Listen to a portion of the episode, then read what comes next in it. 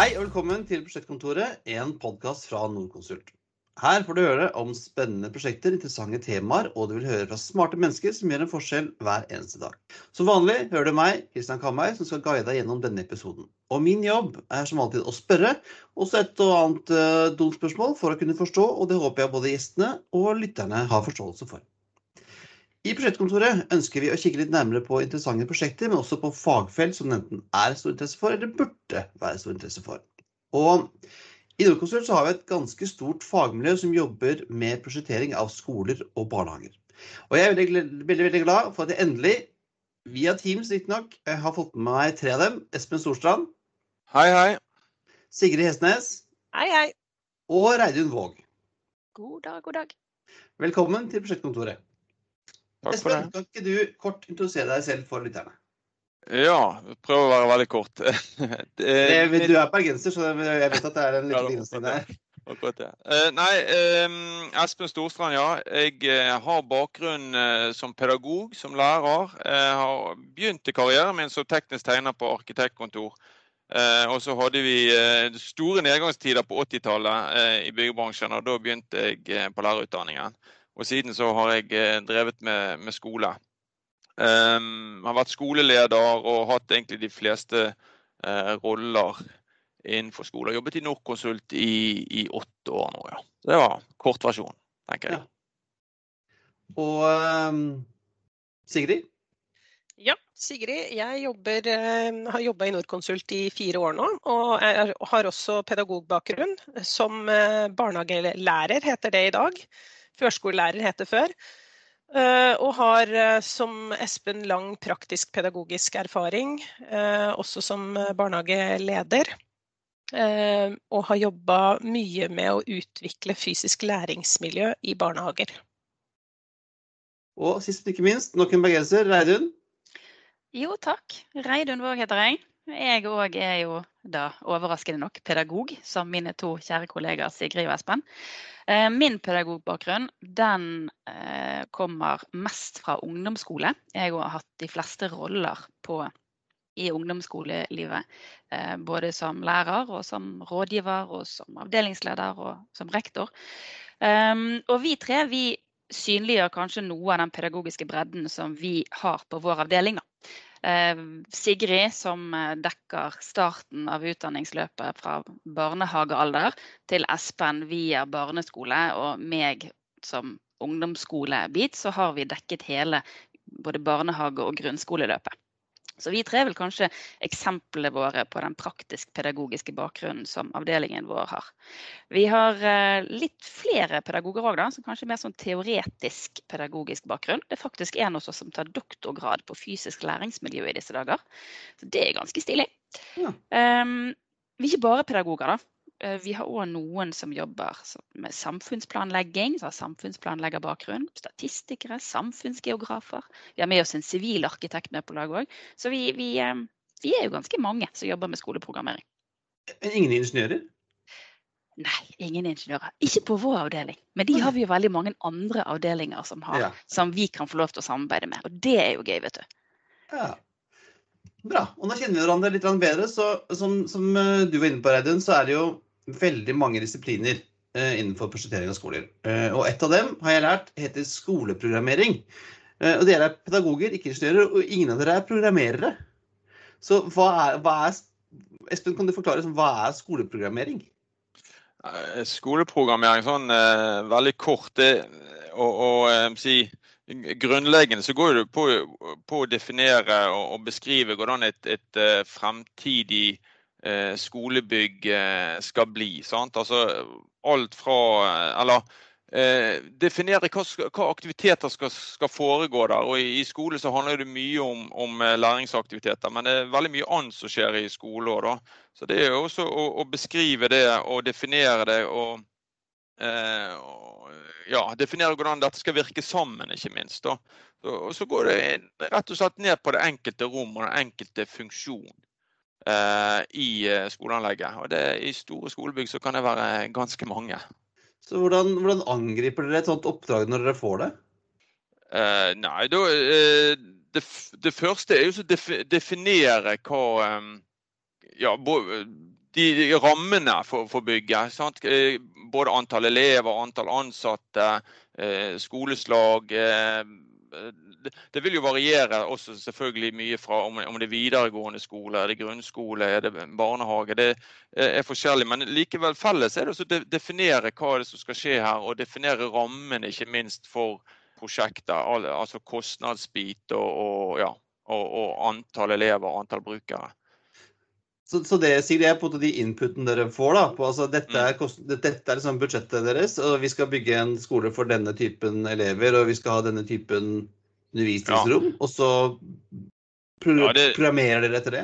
Ja, vi begynner med det. Det kan jo høres selvfølgelig ut, sant? Men, men, det viser seg jo egentlig i alle prosjekter at, at rammene utfordres. Eh, sant? Hadde vi bare fått litt større, så kunne vi gjort sånn og sånn. Sant? Og det, det, er jo eh, som oftest veldig gode grunner for å gå utenfor rammene. Men, men det er noe eh, veldig viktig å ha de definert fra begynnelsen, og, og, eh, sånn at, at de blir, blir styrende. Og så er jo det vår oppgave å, å, lede arbeidet innenfor de rammene. og Etter hvert så, så er det arkitekter og andre planleggere som overtar når man skal konkretisere bygget mer. Da. Men da, da, er det, da, er det, viktig at vi har gjort et godt, bidratt til et godt grunnlag innenfor rammene.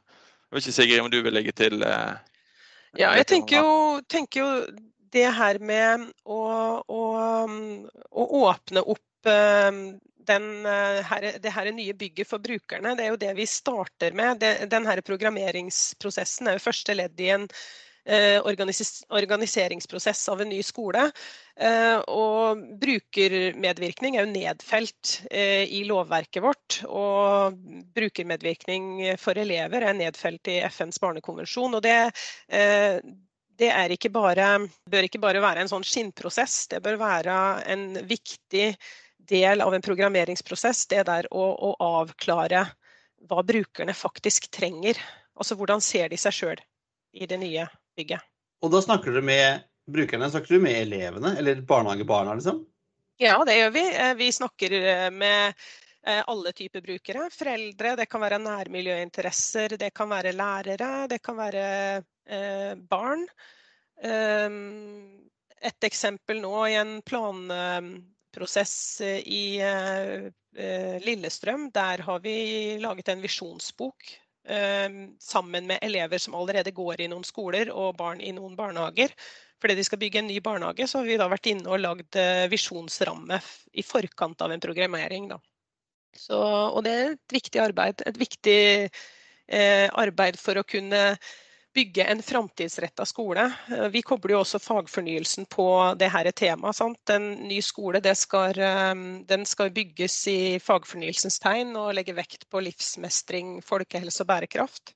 Og det å få nedfelt de her, eh, de her prinsippene tidlig, da, og kalibrere brukerbehov, brukerønsker opp mot de faktiske rammene for prosjektet, det, det er en viktig et viktig ledd i det å få til et, um, et uh, godt bygg.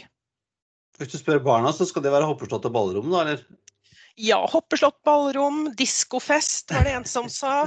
Uh, det er spennende å se hvordan elevene i Lillestrøm har vært spesielt opptatt av sikkerhet, faktisk. Nå etter en pandemi og og med verdensbildet som, som, de har, så er de opptatt av det at de skal være trygge, sikre både på skoleveien, i bygget. De er opptatt av bærekraft, de vil gjerne ha bier på taket. Altså det er, de, elevene har mange perspektiver som, som, både er viktige for at vi skal forstå hva de trenger, men også som er viktig å få fram for at arkitekten skal kunne jobbe med visjonene og skape gode, framtidsretta skoler. Mm. Det, og det er sånn når dere bygger jeg må programmere nye skolebygg, men, men, det er jo ikke hver dag vi bygger nye skolebygg. For at jeg husker da jeg gikk på barne- og ungdomsskolen, så gikk jeg i en sånn svær eh, steinmastodont fra 1880-tallet. Så hvordan, hvordan, jobber dere med å programmere gamle bygg? Eksisterende byggmasse? Det, det er jo i, i, prinsippet så er det mye det, det samme. Vi, vi, begynner med å, å, å, snakke med brukerne hva, hva, eh, og, og få definert hva hva er det aktivitetene skal foregå. Hvordan er det vi ønsker å jobbe. og Kanskje går vi liksom, prøver å løsrive oss litt fra det faktiske bygget som vi er i.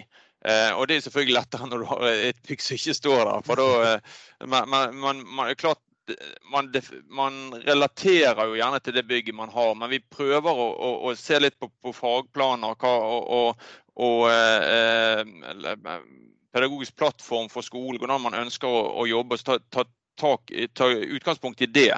Men, men likevel så, så, er det jo både sånn byggtekniske føringer som ligger i eksisterende bygg, og, og det er også eh, hvordan man kan organisere skolehverdagen. Eh, eh, der ligger det føringer i eksisterende bygg, det kommer ikke du fra.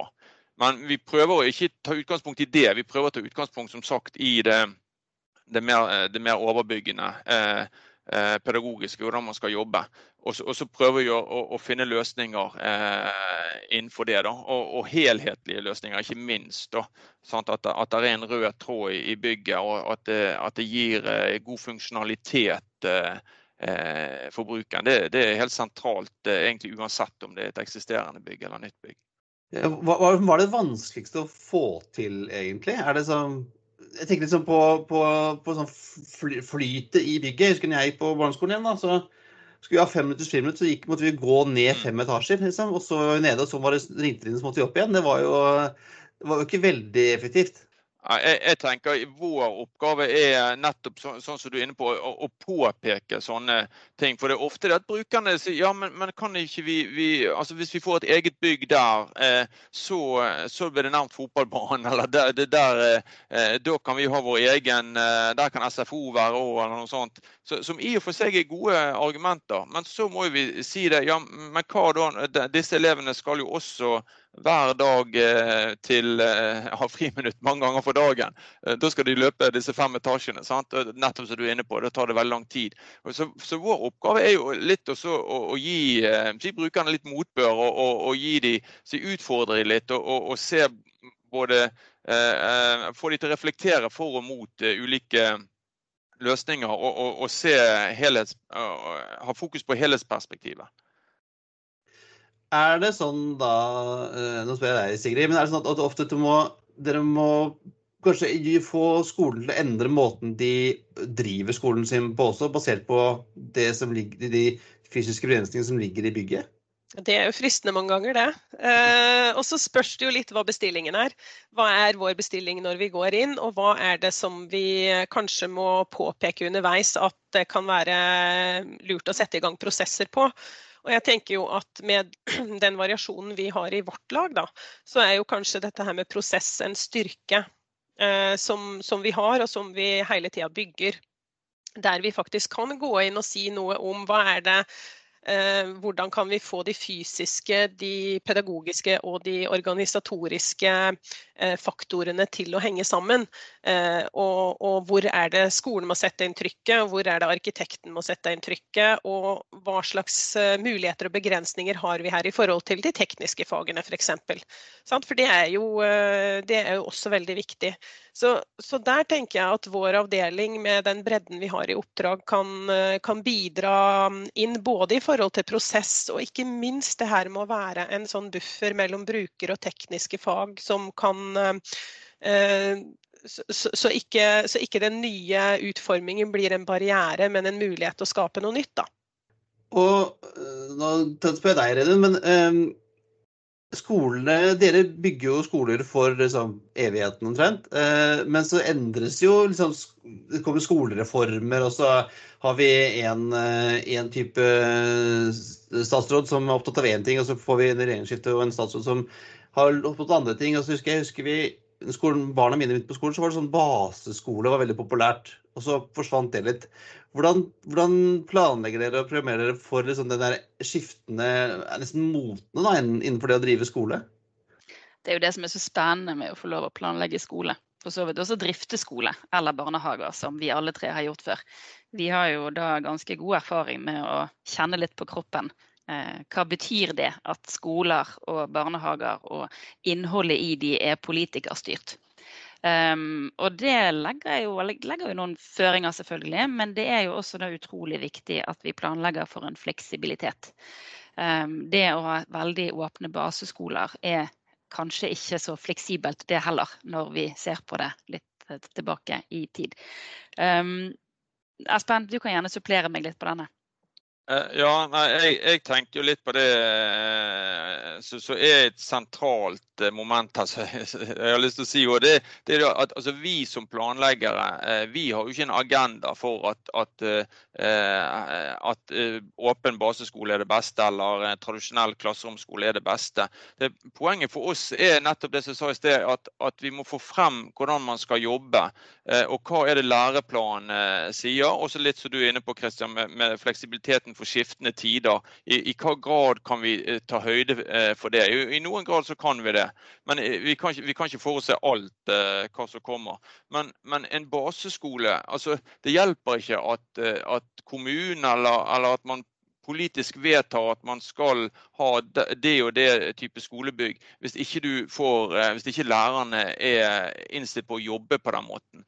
Men, men da må man, da er, det er jo derfor den er så viktig, den, den, fasen vi er inne i. For vi kan være med og utfordre eh, og, og, og eh, få til gode prosesser i forhold til hvordan man skal jobbe. Og Hvis man eh, vil jobbe på en bestemt måte, eller absolutt ikke eh, ønsker å organisere eller jobbe på en annen måte, så, så må man ha gode begrunnelser for det. Og Det er jo læ elevenes læring og trivsel og trygghet det er jo det, er jo det som, som, er utgangspunktet. Det må ikke være noe fancy eh, eller noe sånn eh, bare det at man skal ha en veldig åpen skole eller man skal, eh, man skal jobbe på sånn som man alltid har gjort, for det har, har man hatt gode resultater med. Altså, sant, for, for To ytterligheter her, da. Men, men eh, det, det, er der vi kommer inn og spiller, kan spille en, en, viktig rolle, tenker jeg. Å få eh, rett bygd eh, til, på rett plass til rett tid.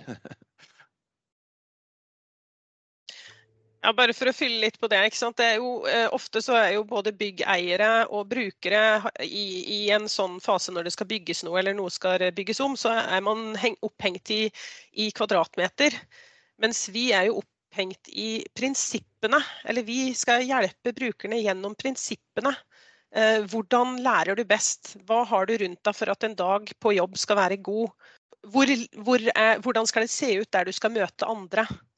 Eh, og, og alle de her eh, Eh, reflekterende spørsmålene som kan åpne opp for en annen forståelse av bygget. Da. Og da er du jo på vei også mot en refleksjon mot organisering av hverdagen, ikke sant? som er en viktig del av det pedagogiske arbeidet. Så, så jeg tenker at, uh, at, det kanskje er noe uh, av det viktigste vi gjør i en programmeringsprosess, å få opp prinsippene for hvordan det skal brukes, og ikke, ikke politiske kjepphester eller, ja, eller personlige preferanser. Da.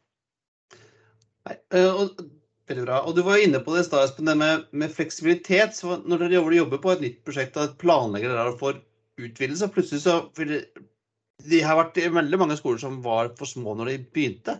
Planlegger dere for utvidelse, hvordan, hvordan gjør dere det? Ja, Det kommer jo også veldig an på bestillingen. da. Eh, men, eh, men veldig ofte så er utgangspunktet vårt når vi, eh, når vi, kommer inn, når vi har fått en bestilling fra en kommune, så er det jo i tidlig fase å, å finne ut av hvor store skoler som skal bygges. Og da har vi jo med oss folk som kan statistikk, som utarbeider prognoser f.eks. Og Prognoser er jo litt sånn uforutsigbare også, sånn at det ligger jo i prognosens natur. Så da er det å, å prøve å um, hjelpe oppdragsgiver eh, til å finne riktig dimensjonering. Og hvis det er en del av bestillingen, så planlegger vi jo også for at det skal kunne gå an å um, bygge til areal eller bygge på arealet. Men da, vår jobb da blir å sikre at det er nok areal i tomt? Sånn, sånn at vi kan ivareta eh, krav til utearealet f.eks. Noe vi jobber mye med i, i, i f.eks. volumstudier, så kan det være å, uh, å se hvor, stort, hvor stor bygningskropp får vi plass til her, hvor stor uteareal kan vi da uh, utvinne denne tomta, hva skal til av infrastruktur osv passe på at det blir laget en sånn god mobbekrok og røykehjørne og sånn, da, på sikt? Ja, det er, jo, eh, det er, jo, noe som kan beskrives eh, inn i et program. Og så må arkitektene i utforming sikre at eh, bygget har gode sosiale soner, og at man forebygger mot røykekroker og mobbekroker og, og pressekrok, som vi kaller det i Bergen. Pressekrok? Ja. Trengekrok. Trengekrok er det. Ja, okay. Ja, den vil vi ikke ha. Den vil vi ikke ha. Hvem, hvem er det som er inne på prosjektet først? Er det skoleprogrammererne eller er det arkitektene? Og hvem, hvem burde være først? Det, I de prosjektene som vi er inne i programmering, så er jo det at vi kommer stort sett inn før eh, arkitektene. Eh, og, og, beskriver jo egentlig hva oppgaven for arkitektene. Eh, og, og, da er det på ene eh, siden viktig at vi får frem det som vi har vært inne på nå, med hva som er viktig i forhold til organisering. Eh, i, i, skolen. Men samtidig så bør ikke det være så eh, stramt at ikke arkitekten får noe å, å utfolde seg på og, og være kreativ og finne de, de gode løsningene på. Eh, så det overlater jeg til arkitektene. Men, men, det er jo i noen, i noen prosjekter vi jobber sammen med, med arkitekt nå, der man er med og kanskje eh, skisser for å vise noen eksempler til, til brukerne. For, for eh, kompetansen sånn blant brukerne er jo veldig forskjellig, selvfølgelig. Hva, hva man, eh, hva man eh, ser for seg, og, og, hvordan ting kan bli. Eh, og, og, Da er jo arkitektene kjempeflinke og kjempegode å ha med til å, til å, å bidra sånn sett inn i prosessen. Men, men, vanligvis så kommer skisseprosjektene og, og, og, og arkitektene inn eh, litt senere enn oss. ja. For det som dere, når dere lager deres skoleprogram, så er vel ikke den så veldig visuell? Er, det? Det er, vel, er, det, er, det, tekst, liksom? Eller hvordan, hvordan ser den ut? Ja, det, det er mye tekst, ja. og vi, vi, tegner jo ikke. Sant? Vi, vi, kan la, vi, vi lager mye, vi bruker disse her boblediagrammene våre der vi viser funksjoner og, og gjerne nærhetsmatriser. Sant? Hva er det som må ligge nærmt for å få den funksjonaliteten og god flyt i bygget som vi har, har snakket om. Så, så det, er det, ene, det, er det, nærmeste vi frister oss på, på tegninger, stort sett. da.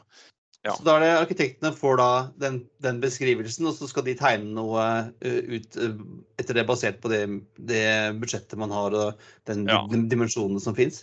Ja, får, sant, vi, vi, vil jo beskrive f.eks. Et, et trinnområde på en grunnskole sant, der, eh, der, elever på samme årstrinn skal ha noe sammen. Så vil det være beskrevet eh, ganske konkret eh, hvordan disse skal jobbe sammen, og hva som er viktig for å få varierte læringsområder, og, og, og hva, hva, bør det være fellesskap om, og, og, eh, hva, hva, bør være for den enkelte gruppe, og hva legges til rette for den enkelte elev eventuelt. Eh, det vil være ganske godt eh, beskrevet. Og så viser vi gjerne med noen noe sånn bobler som jeg sa, da, hva, hva, som må ligge nærmt hverandre. Du, og det er jo viktig for, i, i, i forhold til samarbeid og, og ja, hvordan man, man, skal organisere trinnet. Da, så det viktig at det står noe om det. Men så innenfor, for der igjen så, så står arkitekten ganske fritt i forhold til å til å, å utforme. Og det, det, ser vi jo når, når, det er konkurranser og sånt. Det kommer gjerne inn fem forslag på et uh, rom- og funksjonsprogram. Så kan de sprike ganske mye, men alle, alle i tråd med beskrivelsen likevel. Sant? Jeg har òg vært med på et par uh, prosjekter der har uh, jobba med programmering og brukerprosess samtidig med skisseprosjekt med våre dyktige arkitekter i Trondheim. Og det er òg ganske spennende måte å jobbe på. Det er det er ikke det vi gjør mest, så det krever jo at vi, at vi eh, på en måte jobber tett sammen og prøver å tolke de her brukerinnspillene eh, og eh, bestilling og funksjonsbehov opp, altså også, også, inn i skisser. Da. Så det er en veldig spennende måte å jobbe på, det også. Men det sånn, Ser dere liksom for dere hvordan ting skal se ut? Eller hvordan, er det sånn at når, når tegningene kommer fra arkitekten, så er det veldig annerledes enn det dere har tenkt, eller? Det er vanskelig å unngå å se for seg hvordan det skal se ut, men det er veldig lurt å prøve å la være å se for seg hvordan det skal se ut uh, i en programmering, fordi at uh, arkitekten har en annen kompetanse en annen forståelse for, um, for, rom og sammenhenger. Så hvis vi har gjort en god jobb med beskrivelse, så kommer, uh, kommer det veldig ofte løsninger som, uh, som, er gode og hensiktsmessige. Og så får vi av og til være med videre og si at ja, det var bra, men kanskje vi skulle tenke litt på arbeidsflyten her, og hvor er det best å ha dør og transparens osv. Er det er det noe forskjell på det å jobbe med våre egne interne arkitekter og andre arkitektkontor? Det er det nok. Eh, men, men, jeg vil jo si der er jo veldig mange flinke arkitekter rundt omkring. Og det, det er veldig eh, kjekt og inspirerende å, å, å treffe folk utenfra. Men, men, vi har jo veldig gode team. Eh, allerede etablert i Norconsult. Så vi, vi, og jeg vil si det, det, er jo en fordel også at vi kjenner eh, folk godt eh, på forhånd. Og, og, og, vi vet litt ting de er gode på, gjerne, så vi kan utfordre dem litt på. sant? Og, og vi, de er også flinke til å utfordre oss, kanskje. Så, så jeg tenker det at det er en styrke, helt klart, det at vi Eh, at vi har opprettet disse teamene både her i Bergen og andre steder i landet etter hvert innenfor Norconsult-systemet. Så, så er, fungerer veldig godt. Sigrid, du har jo vært involvert ja, i disse. Jeg tenker, ja, jeg tenker jo at relasjonen uh, som man bygger i et sånt prosjekt, da, i et samarbeid, er veldig viktig. Og så tenker jeg at vårt bidrag og det som brukerne er veldig opptatt av, det er her Altså, eh, arkitektene de, de jo, eh, har jo sin fagkompetanse og, og veit hvordan dette her skal fungere, bygget skal fungere sammen. Men vi kjenner elevperspektivet og barneperspektivet, og det er veldig nyttig å ha med det inn i en utformingsfase. Eh, altså hvordan får vi det til å se ut som en skole? Eh, det vet vi elevene er opptatt av. Hvordan skal de, hvordan skal de innta bygningen? Eh, og der kan jo vi kanskje bidra med noe også i seinere faser. Da. Sånn at ikke alle ser eh, helt like ut og egentlig mer sånn visuelt tilpassa de som er 40 pluss. Det er jo egentlig da barn, barn sitt perspektiv som, som bør telle mest da, når man skal utforme en skole. Vi har snakket litt om, om rom og, og, flyt i bygget, men, men hvordan er det med uteområdet? Er ikke det også en ganske viktig del av, av skolehverdagen for, for, barna? Jo, helt klart. Eh, og, og, det er jo eh, noe av det som, som elevene alltid er, er opptatt av. Og, og, du var jo inne på det i sted også, sant? med hva du sa, hoppe, eller noe sånt. Hoppeslott og ball, ballbinger? ja. Jo, men de er opptatt av både eh, ballbinger ja, og, og, det å kunne leke. Sant? Det er jo helt sentralt for, for, elevene. Å kunne leke sammen, være med venner, gjøre ting sammen med venner. og Da er jo uteområdet helt sentralt.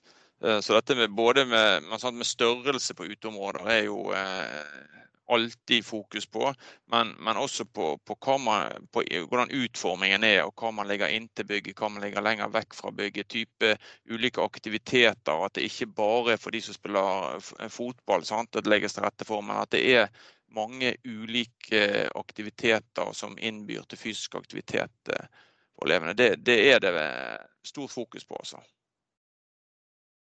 Og hvordan har liksom denne, denne, pandemien vi er inne i, hvordan har den endret måten dere planlegger skolebygg på? For selv uten, uten pandemi og korona, så er jo skoler og barnehager dette vet vi alt om som har barn, eh, en eh, smittebombe av en annen verden. Mm. Hvordan, hvordan jobber dere? Har dere liksom endret måten dere tenker på rundt smittevern på, eller har det alltid vært en del av måten man planlegger skole på? Både, både, ja og nei. men, men altså, det har jo alltid, det har alltid vært fokus på det. Men, men, det er jo en helt spesiell situasjon vi har vært i nå i siste halvannet året. Da. Så, så, Vi merker jo ikke minst på, på brukerne sant, og på skoleeierne at det er et, uh, mye mer fokus på det uh, der også. Da. Uh, helt sånn konkret på, på en skole som jeg har jobbet med, så, så hadde man Det var et sånn rehabiliteringsprosjekt, så nå skolen skulle utvides igjen. Så, så, hadde man da i rehabiliteringen fjernet alle vaskene fra, fra klasserommene. Sant? Effektivisering, og hadde ikke brukt for alle vaskene i, i alle klasserommene. Men så, så, kom jo pandemien, sant? og dette med, med vask og håndhygiene ble, ble veldig viktig igjen. Da. Så da, da, har man sett at det nok ikke var så lurt.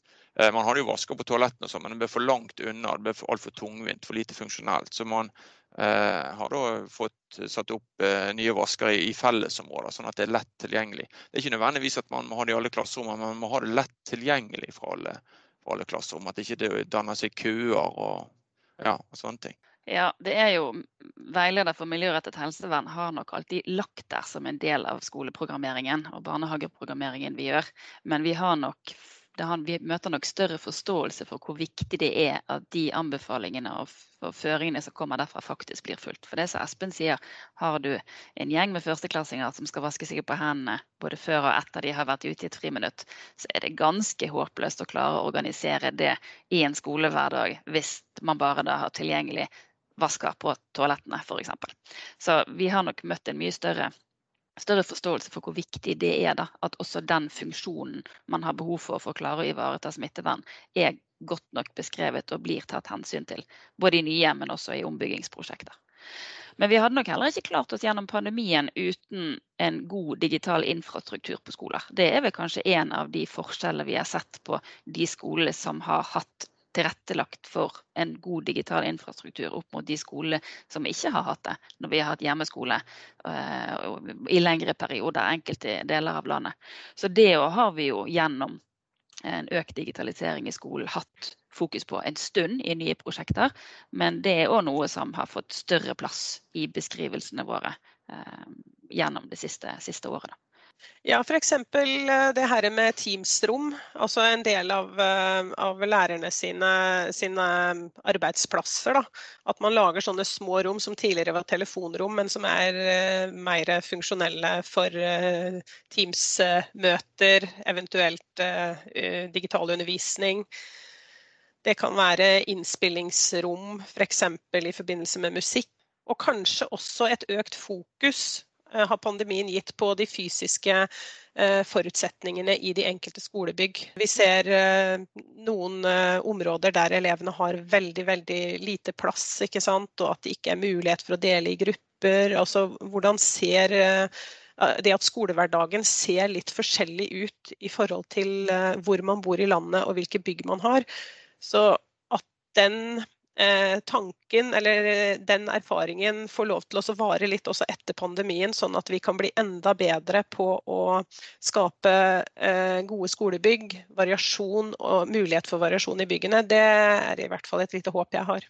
Ja, for Det handler litt om det vi har vært inne på før, men det med fleksibilitet, og bygge fleksibilitet inn, inn, i bygget, slik at man kan plutselig gjøre, sku, ja, kutte opp i mindre grupper eller kjøre all undervisningen hjemmefra eller endre på endre på hvordan man bygger, gjør skoledagen. Da. Så det er bra. Jeg spørs om, det, om eh, med all digital infrastruktur, om det hjelper lærerne. Jeg har jo inntrykk av at de har ikke alle alltid er like gode på, på, på å bruke digitale verktøy, men sånn er det.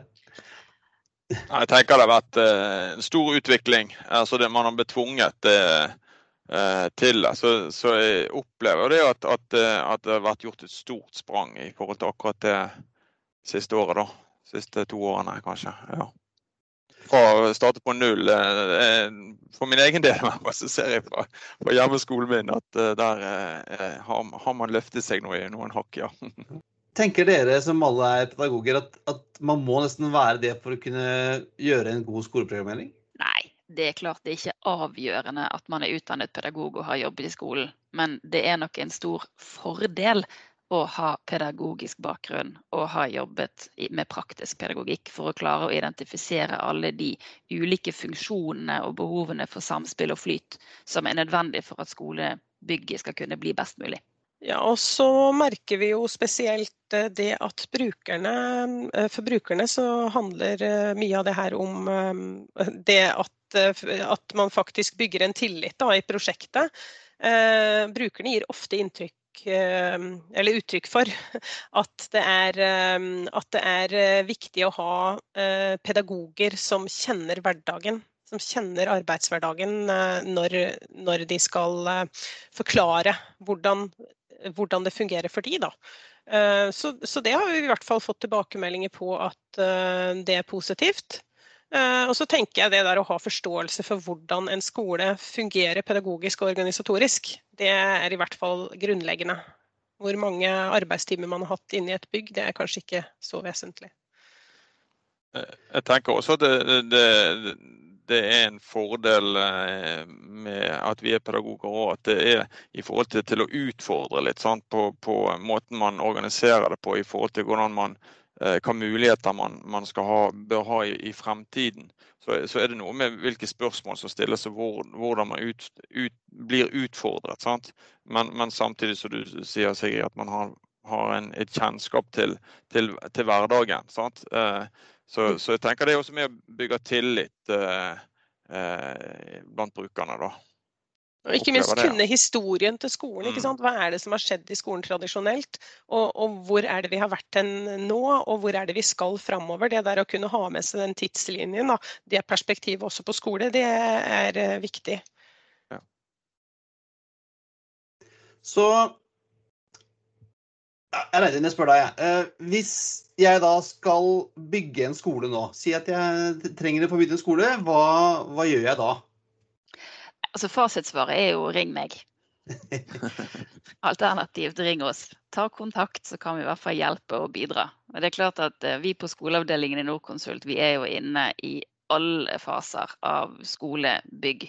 Helt fra du begynner å tenke på det til potensielt når skolen står ferdig, hvis vi får muligheten til å være med hele veien. Så ta kontakt med oss.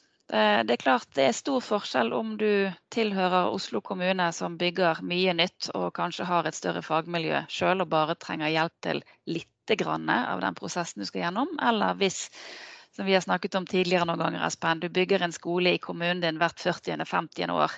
Da er det veldig OK å kunne ha noen som kan Eh, hjelpe deg og veilede deg i hvilken ende av prosessen det er lurt å begynne i, til hvilken tid.